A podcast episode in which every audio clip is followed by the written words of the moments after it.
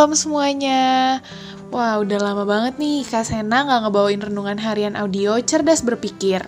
Pasti kalian udah gak sabar kan?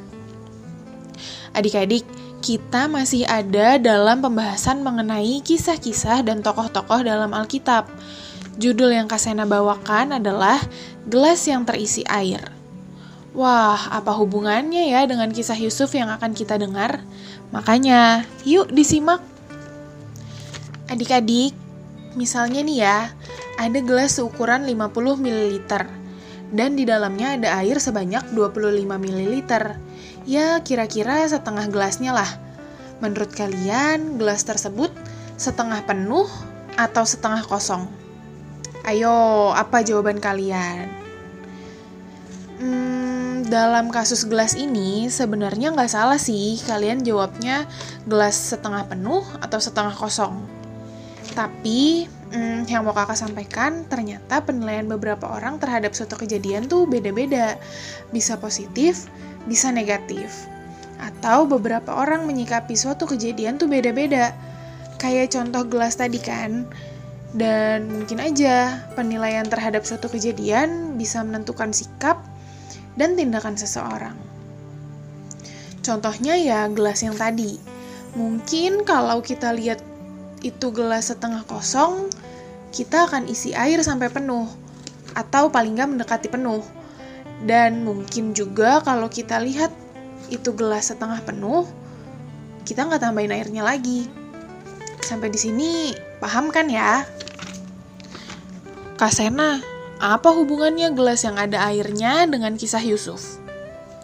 Nah, ini Kak Sena mau jelasin. Kayak yang Kak Sena tadi bilang, suatu kejadian bisa dinilai secara berbeda-beda oleh beberapa orang. Bisa positif, bisa negatif. Dan penilaian seseorang terhadap suatu kejadian tuh bisa menentukan tindakan orang tersebut. Oke, kita masuk ke kisah Yusuf ya. Setelah Yakub dan keluarganya pindah ke Mesir oleh permintaan Yusuf, mereka pun tinggal di tanah Goshen. Setelah beberapa tahun tinggal di sana, meninggallah Yakub. Lalu saudara-saudara Yusuf berpikir kira-kira gini, Bapak kita udah meninggal, pasti Yusuf mau balas dendam ke kita. Adik-adik tahu kan Yusuf pernah mengalami pengalaman buruk dan itu semua gara-gara saudara Yusuf menjualnya sebagai budak di Mesir. Saudara-saudara Yusuf pun datang kepada Yusuf. Maksudnya sih supaya Yusuf nggak balas dendam. Tapi ternyata sikap Yusuf keren banget. Dia bilang gini, dalam kejadian 50 ayat 20. Memang kamu telah mereka-rekakan yang jahat terhadap aku, tetapi Allah telah mereka-rekakannya untuk kebaikan, dengan maksud melakukan seperti yang terjadi sekarang ini, yakni memelihara hidup suatu bangsa yang besar. Wah, Ternyata, walaupun Yusuf pernah diperlakukan secara nggak baik oleh saudara-saudaranya di masa lalu, dia nggak menyikapinya secara negatif. Dia malah menyikapinya dengan sangat baik. Yusuf malah menganggap bahwa melalui setiap pengalaman buruk yang dia alami, Allah punya rancangan yang indah baginya dan bagi keluarga besarnya. Dan sikapnya tersebut membuat dia memaafkan saudara-saudaranya. Itu tadi tentang Yusuf.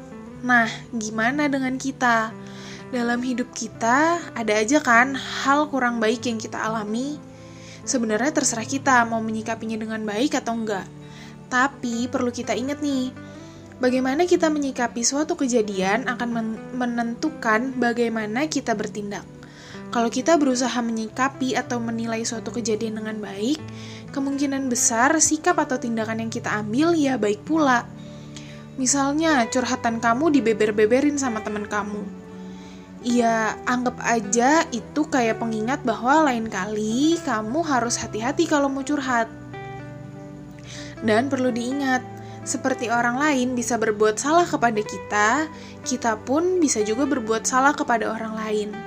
Jadi, kalau bisa, maafin orangnya sambil tetap hati-hati supaya hal tersebut nggak terjadi lagi. Tentu masih banyak lagi contoh yang lainnya, tapi intinya yang mau Kak Sena bagikan adalah kita harus belajar menyikapi atau menilai suatu kejadian secara tepat, supaya sikap dan tindakan kita juga tepat. Oke? Yuk kita berdoa.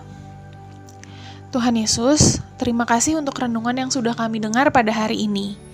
Hari ini kami sudah belajar bahwa ada dua pilihan dalam memandang sebuah masalah, yaitu dari sisi positif dan dari sisi negatif.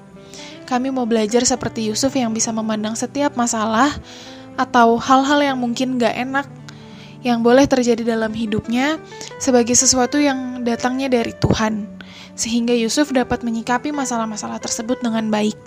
Bahkan Yusuf dapat melihat masalah-masalah tersebut dari sudut pandang yang positif.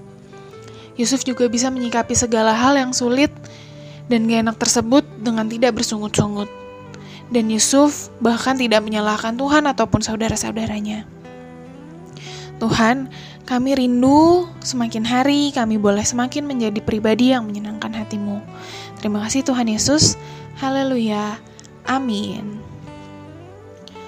Oke, tetap sehat, tetap semangat, dan tetap jadi berkat. Jangan lupa bahagia ya. Tuhan Yesus memberkati. Dadah!